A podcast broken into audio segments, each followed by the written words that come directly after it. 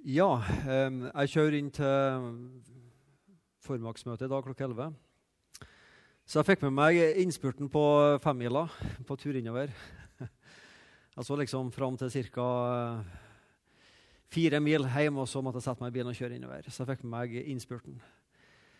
Eh, og så liksom var det tre russere, og så var det en nordmann på innspurten, og så, og så fikk da nordmannen den sure fjerdeplassen. Liksom, hadde jeg visst det på forhånd, så hadde jeg liksom tenkt, dritt og liksom skit og alt det der, og æsj og sånn Alle ekle ord du kan si uten at det blir banning av det. Men så, men så eh, kjente jeg liksom en rar følelse. Sånn OK, greit, greit. Endelig ferdig. Litt sånn, litt sånn lettelsen. liksom, Ja, Endelig var OL ferdig. Nå har det liksom vært i et par uker intens liksom hver dag. og Blir det gull, og hvilken plassering blir det, alt det her. Det var litt sånn den følelsen at det godt det var ferdig. Og så er det sånn med oss predikanter, Vi prøver alltid å finne et poeng. liksom. Er det noen poeng her? vi kan bruke det et eller annet, men Jeg vet ikke om det er noen poeng, men jeg tenkte med meg sjøl at uh, bare ikke jeg får den holdninga til Guds ord eller det å gå på møte liksom, ah, godt endelig ferdig. Men at jeg kan få en sånn ah, jeg vil ha mer. At ikke vi får samme forhold til Guds ord og til møter og til tjeneste i Guds rike som vi kan få til OL. At endelig er det ferdig. Nå er det ikke sikkert alle kjenner på at endelig er det ferdig, men hvis du ikke kjenner på det, så bør du kjenne på det, for nå er det ferdig.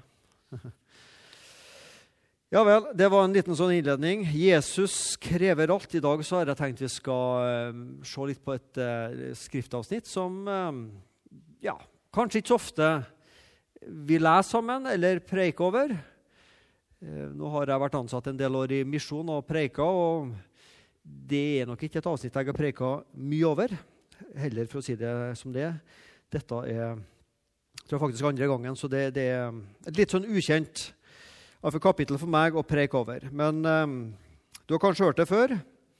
Lukas 9, 57-62 Jesus krever alt, er overskriften. Mens de gikk der på veien, var det en som sa til ham, altså til Jesus, 'Jeg vil følge deg hvor du går hen.' Jesus svarte, 'Revene har hi, og himlenes fugler har rede.' Men menneskesønnen har ikke noe han kan hvile hodet på. En annen sa til ham, Følg, nei, Han sa til en annen, altså Jesus sa til en annen, 'Følg meg.' Men mannen svarte, 'Herre, la meg først få gå hjem og begrave min far.' Da sa Jesus til ham, 'La de døde begrave sine døde, men gå du av sted og forkynn Guds rike.' Det var også en annen som sa, 'Jeg vil følge deg, Herre, men la meg først få gå og si farvel til dem der hjemme.' Men Jesus svarte, 'Ingen som har lagt hånden på plogen og ser seg tilbake, er skikket for Guds rike.' Det var Jesus sitt svar på noen spørsmål. Litt rare svar.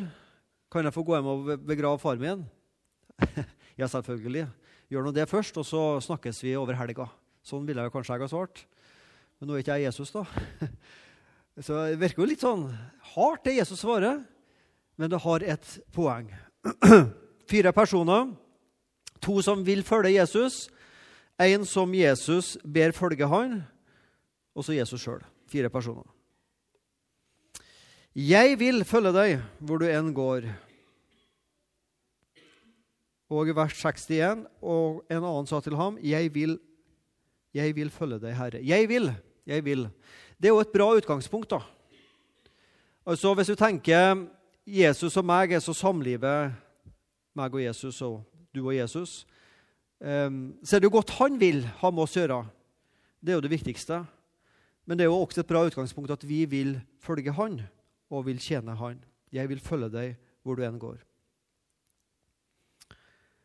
Også Gud og Jesus er avhengig av at mennesket vil. Det var jo dumt hvis vi ikke ville. Jeg vil.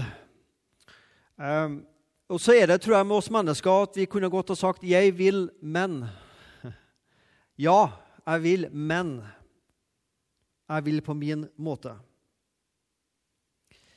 Ja, Jesus, jeg vil følge deg, men det må passe med mitt liv og med min livsstil. Ja, men Det uttrykket har jeg brukt mange ganger i livet, og det har du sikkert brukt mange ganger i livet. Vi får et spørsmål, og så svarer vi ja, men. Og svaret ja, men betyr som oftest nei. Eller det må vente iallfall en stund. Vi hater å velge. Derfor sier vi ja, men.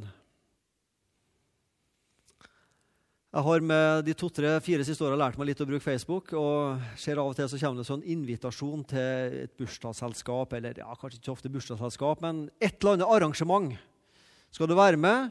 Ja, kanskje, nei. Det er de tre alternativene du får. Og veldig mange trykker 'kanskje', men 99,9% av dem som trykker 'kanskje', møter aldri opp. For 'kanskje' betyr som oftest nei.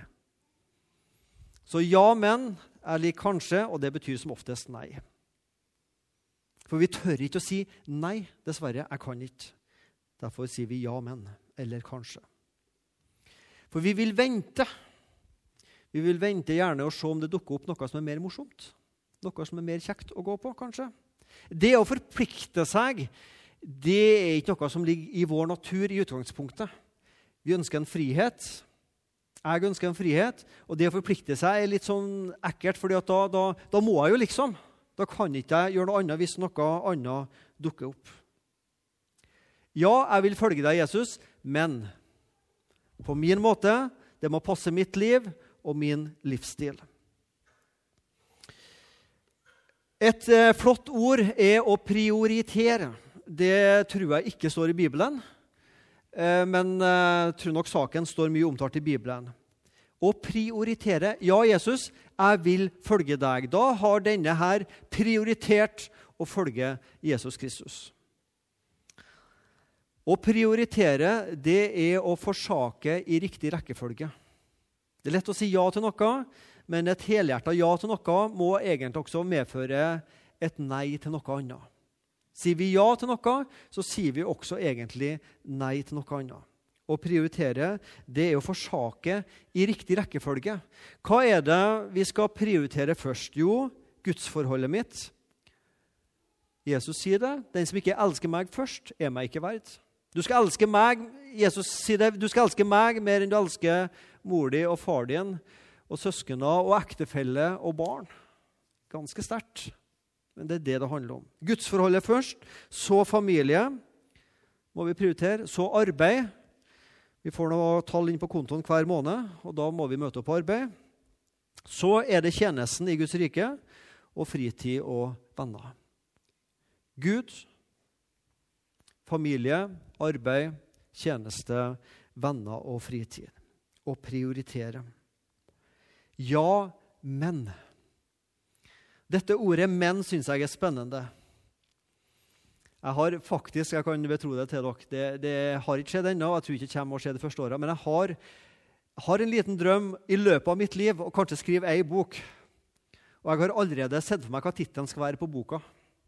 Det skal være ett ord og tre bokstaver, og det skal være ordet 'men'. og Det syns du kanskje er rart. Men det starta ikke bokprosjektet, for eh, det er ikke noe konkret der, altså, men ordet 'menn' ble jeg oppmerksom på faktisk for 20 år siden. Sånn i, i Bibels sammenheng. da. Jeg hadde jo selvfølgelig visst om det før den tid. men eh, jeg las, i Gammeltestamentet om, om kongene i, etter kong David og, og Salomo og, og så videre ble det jo ganske mange konger før Israelsriket og Judariket gikk under. Spesielt i krønikebøkene. I kongebøkene står det om eh, kongerekkene både i Sørriket, Juda, og i Nordriket. I krønikebøkene står det kun om Juda og Sørriket, ikke om Nordriket. Og Han som skrev krønikebøkene, han har på en måte kasta litt terning på kongene og gitt dem karakter. Det står ikke at han har kasta terning, altså, men, men, han har gitt dem en karakter. Han har på en måte bedømt dem, deres liv. Så står det noen var gode, og noen var onde.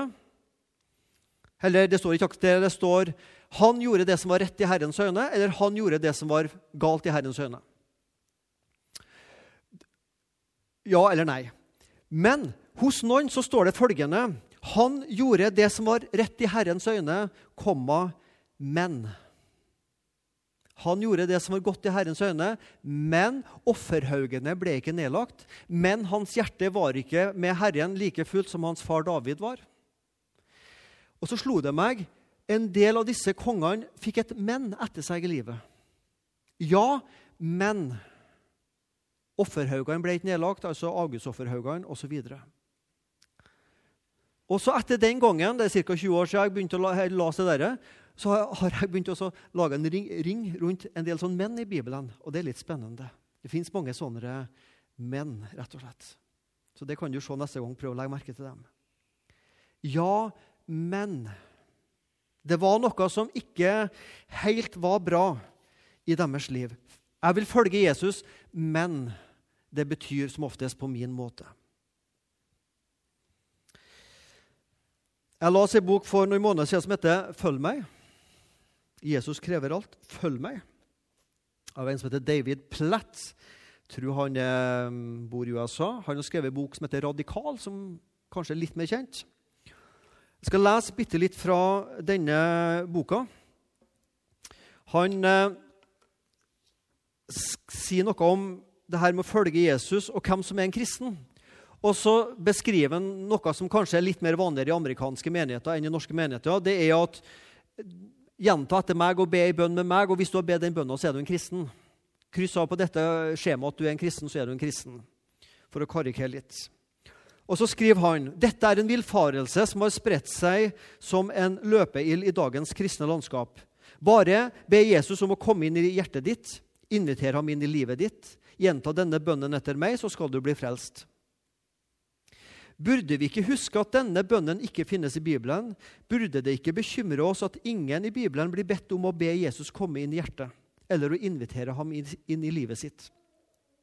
Likevel er det akkurat det skarer av bekjennende kristne har blitt oppmuntret til å gjøre, med en forsikring om at så lenge de har sagt visse ord i en viss bønn, løftet hånden, krysset av på et skjema, signert et ark og gått fram til forbønn, så er de kristne og frelst for evig og alltid.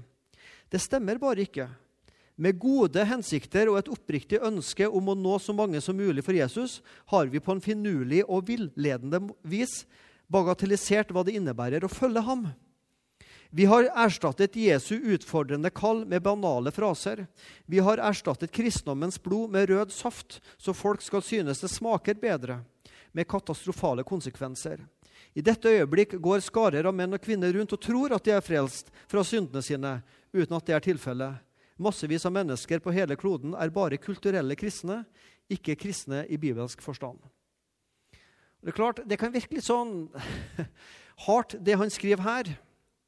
Hans poeng er vi kan fort komme til å tenke at um, det er jeg som inviterer Jesus inn i mitt liv. Og det er rett. At vi kan invitere Jesus inn i vårt liv. Men det å bli kristen handler egentlig om at Jesus, det er han som inviterer oss inn i sitt liv. Det er det som er poenget. Det er ikke at Jesus får komme inn til oss, det er at vi får komme til Han. Det er det det handler om å bli en kristen og følge Jesus. Vi blir så opptatt av hva vi skal gjøre for Jesus, og så glemmer vi av hva Jesus har gjort for oss, og at det er Han som inviterer oss, og ikke først og fremst vi Han. Følg meg. Ikke Jesus kom og kom til meg men vi er kalt til å følge Han. Jeg vil følge deg. Det er flott at han ville det, for all del. Men Jesus sa til en annen, 'Følg meg.' Men mannen svarte, 'Herre, la meg først få gå hjem og begrave min far.' La meg Så setter vi strek under, eller runding rundt, ordet 'først'. La meg først. Hva sier vi når vi sier ja, Jesus, jeg vil følge deg, men, men jeg, først så må jeg Nå begynner en del her å få barn som blir store etter hvert. Og et av de ordene dere har oppdaga at barna lærer, det er 'må bare'. Først. Jeg må først. Jeg må bare. Og jeg kan love dere, det varer lenge. Minste ungen min er, blir 16 år nå og må bare først sjekke noe på et eller annet før hun kan komme til middag. Må bare først. Så dere har mange år foran dere med 'må bare først'. Det kan jeg love dere. Ikke bare det. Selv om hvis vi blir også langt over 40-årene, så må vi bare først. Så Sånn er vi bare menneskene. Må bare først. Det handler om at det er noe som er viktigere. Jesus, Ja, jeg skal følge deg, Jesus, men først så må jeg bare begrave min far. Det er jo ikke akkurat daglig vi gjør det. da. Jeg må bare sånn Jesus først, så må jeg bare sånn først, og så Jesus kan jeg følge deg. Det er som å gå eh, Du skal gå og ta toget, eller du skal gå og ta bussen bort på Ruten. Og så sier du til, kom du på å, nå skal jeg ta bussen helt til Kristiansand. Jeg Skal ha noe mat på turen. Å, bussen går om ett minutt, og så går det til bussjåføren. Du, bussjåfør, jeg skal være med bussen her, men først så må jeg bare inn på Narvesen og ha, kjøpe litt mat til turen. Tror du han venter på det? Ja, Hvis han er snill, så gjør han kanskje det hvis du sier det tar ett minutt. Men det er nesten som å be toget stoppe og vente. For jeg, først så må jeg bare noe annet først. Nei, toget går, bussen går. Det er noe som er viktig i livet, og det er noe som haster i livet. Eller det er noe vi syns haster i livet. Og så skal du få en ny, klok setning, og det kan jeg godt si er klok, for det er ikke jeg sjøl som har kommet på den. og den går sånn følgende. Det som er viktig, haster sjelden. Og det som haster, er sjelden viktig. Det som er viktig i livet, det haster sjelden. Det haster lite for meg å sette meg ned med, med Guds ord. Det haster lite å prioritere og be. Og det som haster i livet, alt som jeg bare må først, det er sjelden viktig. Jeg må bare først. Alt som haster, tidstyver, konsentrasjonsforstyrrere. Jeg må bare det først, Jesus, og så deg, Jesus. Konsentrasjonsforstyrrere, tidstyver, som drar tanke og øyne bort fra Jesus. Hva er det vi må først? Hva er det vi ønsker å oppleve først og viktigst her og nå? Jo, det kan være familie, ekteskap, forhold, karriere, jobb, nytelse. Det er mange ting som vi syns er viktige, og som på mange måter er viktige. Det er bare når vi sier 'først', så kommer det jo før Han som er foran alt, altså Gud. Og det som er først i vårt liv, det har blitt vår Gud. Tilbake til denne boka av David Platt om å følge meg. Han skriver noe om moderne hedenskap. Ganske interessant. For det som er først i livet, det er en gud. Og vi tenker at eh, avguder eh, Det er ikke så mange av dem i Norge. Utskårne avgudsbilder som vi bøyer oss ned for i støvet og bukker for. Det er ikke så ofte vi gjør det, sånn som de gjør i visse stammer i Afrika og Asia. Og så skriver han David Platt i boka si Men hva med mennesker Han skriver om omvendelse. Så skriver han Men hva med mennesker i en overveiende kristen kultur? Mennesker som ikke bøyer seg for avguder eller ofrer til falske guder. Hvordan ser omvendelsen ut i deres liv? For oss som lever i en såkalt kristen kultur der vi ikke bøyer oss for stein og trebilder. Dette er et svært viktig spørsmål, for det avdekker en grunnleggende svakhet i hvordan vi oppfatter oss selv. Når vi tenker på avgudsdyrkelse og falske guder, forestiller vi oss gjerne asiatiske mennesker som tilber avgudsbilder av tre, stein og gull, eller afrikanske stammer som utfører ritualdanser rundt brennofre. Vi tenker ikke på vestlige menn som ser på pornografi på nettet, eller på ugudelige TV-program og filmer. Vi tenker ikke på amerikanske det her er jo amerikansk kultur da, vi tenker ikke på norske amerikanske kvinner som ustanselig drar på shopping for å skaffe seg nye ting, eller er altfor opptatt av sitt eget utseende. Vi tar ikke med i betraktningen menn og kvinner i Vesten som elsker penger og er fullstendig oppslukt i materialisme. Vi tenker nesten aldri på våre kraftige anstrengelser for å klatre på karrierestigen, vår uavlatelige tilbedelse av sport. Jeg syns det sto Rosenborg her, men det sto sport, ja. Eh, vårt dårlige humør når ting går oss imot, våre bekymringer for at ting skal gå oss imot, all maten vi stapper i oss, og alle andre verdslige nytelser. Det kanskje aller viktigste er vår åndelige selvgodhet, den religiøse selvrettferdigheten som hindrer så mange av oss å innrømme at vi trenger Jesus. Vi kan ikke se for oss at en kristen på den andre siden av kloden, en som tror at en gud av tre kan frelse ham, mens vi selv lever som om religion, penger, eiendeler, mat, berømmelse, sex, sport, status og suksess vil tilfredsstille oss, tror vi virkelig at vi har færre avguder å gi slipp på når vi omvender oss. Ja, Vi får bare ta med oss de spørsmåla, og så får vi ta dem til vårt eget hjerte og evaluere oss sjøl. Jeg må bare først, jeg må bare oppleve det og det og det først. Og når jeg har opplevd det, så Jesus skal du få resten. Ja, hvor lett den tanken sniker seg inn i mitt hode og hjerte. Gud først. Men la meg først få si farvel til dem der hjemme. Gud er først. Gud er først. Så står det noe om rever og fugler. Revene har hi, og himlenes fugler har rede, men menneskesønnen har ikke noe han kan hvile hodet på. Hva er det Jesus vil si med det? Er det naturfagtime om dyrene i Hakkebakkeskogen? Nei, det er ikke det Jesus vil fortelle dem. Men Jesus vil si altså Rever de har sitt hi der de kan gå til og, og finne hvile og være trygge. Og himmelens fugler har sitt rede der de kan være. Men menneskesønnen har ikke noen plass å hvile sitt hode. Det Jesus sier, jeg, hvis du følger meg, så er det ikke sikkert at du vil få det like trygt som faktisk fugler og rever har det. Er du villig til faktisk å få det dårligere i livet enn hva, hva rever og fugler har? Jesus krever alt. Jesus krever alt. Hva er alternativet til at Jesus krever alt? Hvis vi nå skal sette noe opp mot det at Jesus krever alt, hva er alternativ? Det er ikke bare ett alternativ, men alternativene. Det kan jo være Jesus krever ingenting. Jesus krever ingenting. Jeg fikk nettopp en telefon fra en eller annen slags eh, organisasjon. En flott organisasjon. En som satt i en valgkomité der og ville ha meg, meg som kandidat til styret der. Og Det er en flott organisasjon, eh, og det er en flott mann, han som ringte også. Eh, men jeg la merke til når han skulle fortelle meg om styret så, ja, Jeg har snakka med dem som sitter i styret nå, og det er ikke så mye å gjøre. De samles bare en par ganger i året, og det er så veldig, ikke så veldig mye arbeid med å sitte i det styret. Så da tenkte jeg, jeg med meg sjøl at jo, jo, jeg har sikkert sagt det sjøl også mange ganger, men var det så attraktivt å være med i et styre som egentlig ikke har veldig mye å gjøre? Jesus krever ingenting. Um, vil du være med i en interesseorganisasjon som, der det er ingen forventninger? Vi forventer ingenting av deg. Du kan bare være med. Det er ingen som forventer noe av deg. Fikk du veldig lyst til å være med der? Den tingen her må du bare ha. Den koster kun én krone. altså.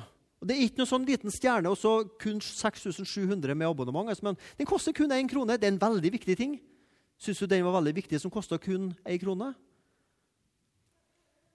Jesus krever ingenting. Jeg har ikke lyst til å være med i en religion som krever ingenting. Så det kan jo være et alternativ til at Jesus krever alt, og at Jesus krever ingenting. Men eh, det kan være, et alternativ kan være Jesus krever det som passer for meg. Jeg vil være kristen på min måte. Så jeg vil være kristen Jesus hvis det, hvis det passer for meg, på min måte. Ja, og det kan være ulike ting. Det er på min måte. Eller eh, Jesus krever det som er igjen etter at vi har sovet og jobba og hatt litt fritidsaktiviteter. Det som er igjen da, Jesus, av tida mi, det skal du få. Da tenker vi kristendom som et kakestykke. Nå deler vi opp forskjellige kaker. Jobb, fritid, unger og sånn. Og det kakestykket som er igjen da, Jesus, det skal du få. Men kristendom er ikke noe kakestykkeopplegg. Kristendommen er jo hele kaka. Poenget er at vi tar jo med oss Jesus inn både i ekteskap og overfor barn og arbeid og studie osv. Men det, vi kan lett komme i den tankegangen at kristendommen er en sånn fritidshobbysyssel. Jo, andre de driver med fotball og de driver med korps, og de driver med sånn, men vi driver med misjonssalen. Vi driver liksom med noe sånn religiøst opplegg. Så du Jesus skal få det som blir igjen når jeg har gjort alle de andre tinga. Kristendom er ikke noe kakestykkeopplegg. Det er hele kaka. Jesus krever alt. Jesus, et alternativ kan være Jesus krever visse religiøse ritualer. Hvis vi bare får kryssa på skjemaet at vi har vært innom Guds hus kanskje en gang i uka eller en gang i måneden, at vi gjør visse religiøse ritualer med et visst mellomrom, vi, da kan vi følge Jesus. Eller Jesus krever akkurat nok til at jeg kan få være fornøyd med mitt eget kristenliv. Jesus legger lista akkurat såpass høyt at jeg klarer akkurat å komme meg over. Og Hvis det er kristendommen, så blir vi veldig fornøyd med oss sjøl. Da blir jeg veldig fornøyd med mitt eget kristenliv. Og når jeg blir veldig fornøyd med mitt kristenliv, da blir jeg sjølrettferdig. Og sjølrettferdighet det er en farlig rettferdighet. Jesus krever alt, ingenting. Det som passer meg, det som er igjen når jeg har fått gjort de tingene jeg bare må gjøre først. Eller at jeg kan være fornøyd med mitt eget kristenliv. Nei, Jesus krever alt. Absolutt alt. Og når det står alt, så er det ment alt. Jesus krever faktisk vårt liv, om det så er. Og Jeg bruker av og til å si, og det sier jeg først og fremst til meg sjøl, og ikke til deg, men vi kan jo tenke over det Er vi, er vi egentlig villige å dø for troa vår? Og hvis jeg ikke er villig til å dø for troa mi, så er egentlig ikke troa mi det viktigste i livet mitt. Da er det jo mitt liv som er det viktigste. Vi kan godt tenke gjennom det. Og det, det kan vi tenke ja, men det, det, er jo enkelt. For her i Norge så slipper vi å gi livet vårt hvis vi tror på Jesus. Men du kan prøve tannlegetesten. Den er litt enklere, for den prøver jeg en gang i året. Da blir jeg innkalt til tannlegen. Eh, det er lurt å gjøre det. Men hver gang jeg ligger i tannlegestolen, så tenker jeg, da prøver jeg tannlegetesten. Hva nå om tannlegen sier Skal du fortsette å tro på Jesus, eller? Og Hvis du vil tro på Jesus, så setter jeg i gang skikkelig og borer her alt jeg kan. Jeg prøver denne reia her, og da, da er jeg ikke alltid like høy i hatten. Det kan jeg jo godt si, da. Du kan jo prøve den neste gang du er hos tannlegen. Men Jesus han krever faktisk alt av deg og meg. Men Jesus svarte, 'Ingen som har lagt hånden på plogen og så ser seg tilbake, er skikket for Guds rike.' Og ser seg tilbake. Don't look back og se seg i speilet. Det er ikke så veldig lurt å kjøre bil med å se i speilet. Jo, det er lurt å se i speilet av og til, men det er ikke noe lurt å hele tida se i speilet. Da kommer du ikke langt fram før det sier stopp. Ikke se deg tilbake. Ingen som har lagt hånden på plogen og så ser seg tilbake, er skikket for Guds rike. Vi finner noen i Bibelen som var veldig opptatt med å se seg tilbake. En av personene jeg tenker på, det er kona til Lot. Historien fra Sodoma og Gomorra i Gammeltestamentet i første Mosebok. Det er jo en eh, spesiell historie. Um, så Lot og kona og familien de rømte ut av eh, Sodoma. Eller jo, Sodoma var det. Og så fikk de beskjed ikke se dere tilbake.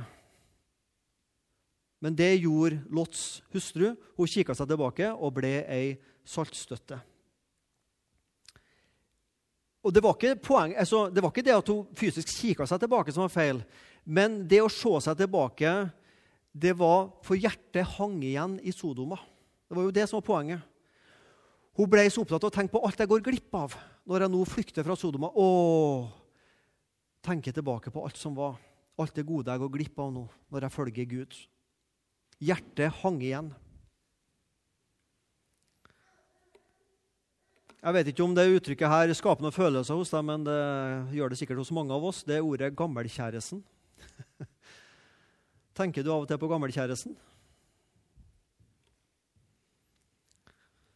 Det å snu seg til fortida og tenke 'Oi, gammelkjæresten, ja. ja. Tro hvordan hun har det nå.' Hvor er han henne i verden nå? Tror, kanskje finner jeg ham på Facebook? Har du noen sånne gammelkjærester? Jeg skal ikke svare for meg, men det er jo ikke poenget heller. Poenget er at den tanken kan snike seg inn. Hadde jeg bare ikke sagt nei den gangen, så kanskje uh, Og de tankene der kan spesielt komme når man sliter litt i et forhold. Åh, hadde jeg bare, hadde jeg bare ikke. Så kikker man seg i tanken tilbake og tenker at ting kunne vært bedre i dag hvis og om og men. Hjertet henger igjen i fortida. Det er det Jesus mener når han sier her, 'ingen som har lagt hånden på plogen', og ser seg tilbake. 'Å, det alt var så mye bedre før.' Det, og, og har vi bare hatt det sånn, da hadde det vært bra. altså, folkens. Det er det Jesus vil si noe om. Det er ikke så lett å navigere framover med å se seg i speilet. Nå må vi også si det at det kan være lurt å se i speilet. Det vet vi når vi kjører bil. Og det kan være lurt å lære av fortida.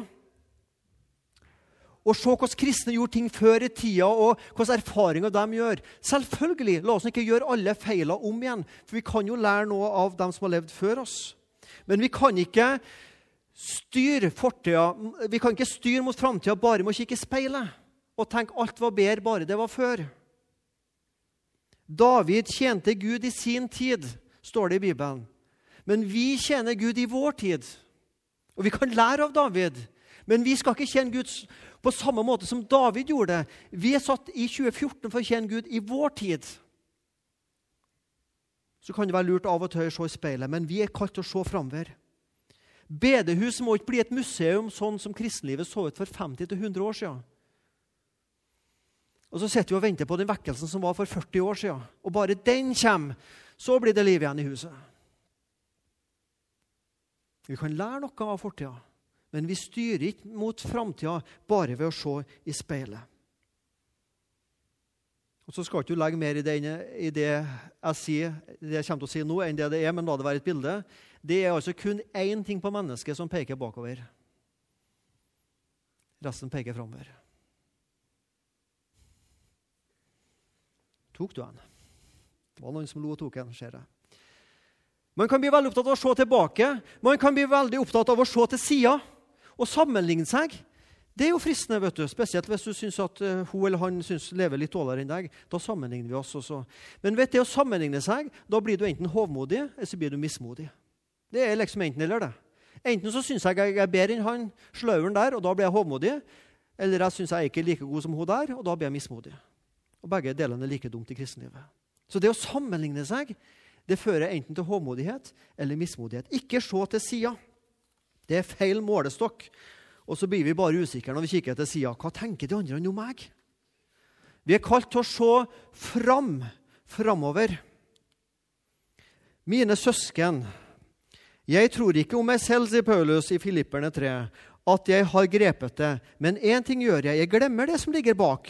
Og så strekker jeg meg etter det som er foran, og jager fram mot målet, mot en seierspris som Gud fra det høye har kalt oss til i Kristus Jesus. Paulus hadde mye å lære av fortida si, han også. Av, av, gode ting og av feil han gjorde. Men han glemte det. Og så strekker han seg mot det som ligger foran. Mot framtida. Både den tida han levde i, men også selvfølgelig mot håpet i himmelen. Skal vi gjøre framskritt, så må vi gå framover. Og så er det om å holde to tanker i hodet samtidig. Som kristne så skal vi gå framover med troa forankra i fortida i historiske hendelser i fortida. Troa vår den er forankra i det som ble gjort for 2000 år siden. Den fortida skal vi ikke gi kast på. Den fortida skal vi ikke glemme. Den skal vi ta med oss. Men vi er kalt til å gå framover. Tenk, og av og til tenk denne tanken her. Den beste tida, den ligger foran meg. Det er ikke alltid lett å tro, men den tror jeg vi skal tørre å tenke. Ikke se bakover, ikke se til sida, men se framover. Hvor andre plasser kan vi se? Vi kan se ned, og hvis jeg kikker ned, så ser jeg enten to svarte sko eller jeg ser ti tær hvis jeg ikke har sokker på. Å se ned det betyr å bli veldig opptatt av meg sjøl. Å, jeg blir så veldig opptatt av meg sjøl og se på meg sjøl. Da blir det lite framdrift i kristenlivet når vi kikker på oss sjøl og blir sjølsentrert og meg og mitt. Ikke bak, ikke til sida, ikke ned, men fram. Eller å se opp, med blikket festet på troens opphavsmann og fullender. Hva er slagordet til OL? Lengre, fortere og høyere. Vi skal høyere som kristne. Vi har et mål der oppe. Høyere og videre må være slagordet for oss som kristne. Ikke alltid fortere og lengre, men høyere og videre ut. Og vi skal også se utover. Jeg har fått all makt i himmel og på jord, sier Jesus. Gå derfor ut og gjør folkeslag, alle folkeslag til disipler. Det er det vi som kristne er kalt til. Lær av fortida med blikket fresta framover, oppover og utover. Det er å følge Jesus det. Ikke se til sida og sammenligne oss og tenke at nå er jeg god nok som kristen. Eller hvis jeg bare tar meg sammen og blir like flink som hun, så, så, så er jeg god nok som en kristen. Eller se ned på oss sjøl. Eller se tilbake på gammelkjæresten og tenke at å, hadde jeg bare ikke. Eller hadde jeg bare så, ville livet mitt vært annerledes. Se opp, se fram og se utover. Jesus krever alt. Jeg skal avslutte med en historie og litt betraktninger til denne historien. Om denne historien her er sann, det vet ikke jeg, men jeg har hørt den, og den har iallfall et godt poeng, så da forteller jeg den likevel. Den kunne sikkert ha vært sann. Det var altså en bonde da, på, må være på Vestlandet, for han dyrka epler. Kanskje i Hardanger en plass. Så han eh, Det var et godt epleår. Han fikk veldig mye epler. Han fikk så mye epler at han hadde ikke bruk for alt sjøl, så han tok ei trillebåre og samla mye epler oppi den. Og så kjører han den ned til veien der folk passerte, og så skrev han, opp, skrev han et skilt der. Bare, altså, Folk må forsyne seg. Bare forsyn dere, skrev han. Liksom, Ta det du vil ha. Og så gikk han hjem. Og så passa han jo på på vinduet og kikket litt om folk tok med seg, om det ble tomt. Og han så at det kom folk og gikk folk, og, og kikka på eplene og kikka på skiltet. Og så gikk de videre. Og ikke bare én, men to. altså Veldig mange kom. Bare forsyn dere? Nei. Og så gikk de. Ingen tok med seg. Så han tenkte her må det være noe feil. Såpass smart var han. Så han gikk ned. Ikke noe galt med trillebåret. Eplene så fine ut. Og, og, plakaten var fin. Og teksten den var ordrett. altså. Alle bokstavene var, var helt rett. Ah, så tok han det. Han hadde, han hadde, han hadde, det var alt rett bokstavene, men hadde, orddelinga hadde blitt litt feil. Så i stedet for 'bare for skyendere', så ble det 'bare for syndere'. Det er nå dere skal le, liksom, for de var litt morsomme, da. bare for syndere, bare for syndere, bare for syndere. Ja, hva var poenget med det? da? Jeg må jo ha et poeng med det òg, når jeg forteller en så morsom historie. Gratis for syndere, bare for syndere. Ja, Jesus krever alt. Og så skal du få en fin setning, som er poenget. Det Jesus krever, det gir han også. Det Jesus krever, det gir han også. For hva er det Jesus krever? Han krever fullkommenhet. Og så kan vi Nei, den handa kommer fort ned hvis vi stiller spørsmålet hvor mange av oss er fullkomne. Hvor mange av oss har klart å leve etter budet av 10% ah, Det tror jeg skal ha klart. 20% Det er et bud som vi ikke har tatt med, som heter du skal ikke hogge deg ut et gudebilde. Det har jeg, det har jeg klart. altså. Og I det siste budet så står det at du skal ikke du skal ikke begjære din nestes esel. Det har jeg også klart hele livet mitt. Men ellers så er det de fleste av eh, syndene dem har jeg eh, synda mot. Det er ingen av oss som er i den kategorien, ikke over 50% Men om vi var det, så hjalp ikke det heller, for det måtte være 100% hos Gud. Det Gud krever, fullkommenhet, det gir han også. Han gir oss fullkommenheten i Jesus Kristus. Og den fullkommenheten er bare for syndere. Og den Nåden er det bare å forsyne seg av. Det syns jeg. Det er gratis for syndere. Bare forsyne oss. Det Gud gir, fullkommenhet, det Gud krever, mener jeg, det Gud krever, det gir han også. Og Når vi har fått erfart det, at Gud har kommet med sin rettferdighet i mitt liv og tatt bort min synd, så er jeg rein for Gud. Da vil jeg si alt for Jesu fot, det legger jeg ned mitt liv og resten av mitt liv, det vil jeg bruke for Gud. Herre Jesus Kristus, du krever alt. Tilgi meg at jeg har i livet fram til nå og så lenge jeg kommer til å leve, krenka deg med tanker, ord og gjerninger og kjenner lysten til det onde i mitt hjerte, som det heter. For Jesu Kristi skyld, ha langmodighet med meg og tilgi meg alle mine synder. Og gi meg å frykte og elske deg alene, Jesus. Jeg ber at det må være sant for meg oss som sitter her. Og Jesus, vi som har fått tatt imot deg og din rettferdighet, jeg ber Jesus for oss at vi må leve et liv med denne holdninga at vi vil følge deg, Jesus. Ikke bare vi vil følge deg, men eller når det passer oss og bare må først, men vi vil følge deg, punktum eller utropstegn, Jesus. At vi er villige til å legge ned våre liv for deg. Herre Jesus, jeg takker deg for spor. Jeg takker deg for dem som er her i dag. Du ser dem som ikke kunne være her i dag de som er syke eller har andre ting Jesus som gjør at de ikke kunne være her. Vær hos dem, Jesus, og velsign dem rikelig. Og velsign oss fortsatt i misjonshånd, Herre Jesus. Amen.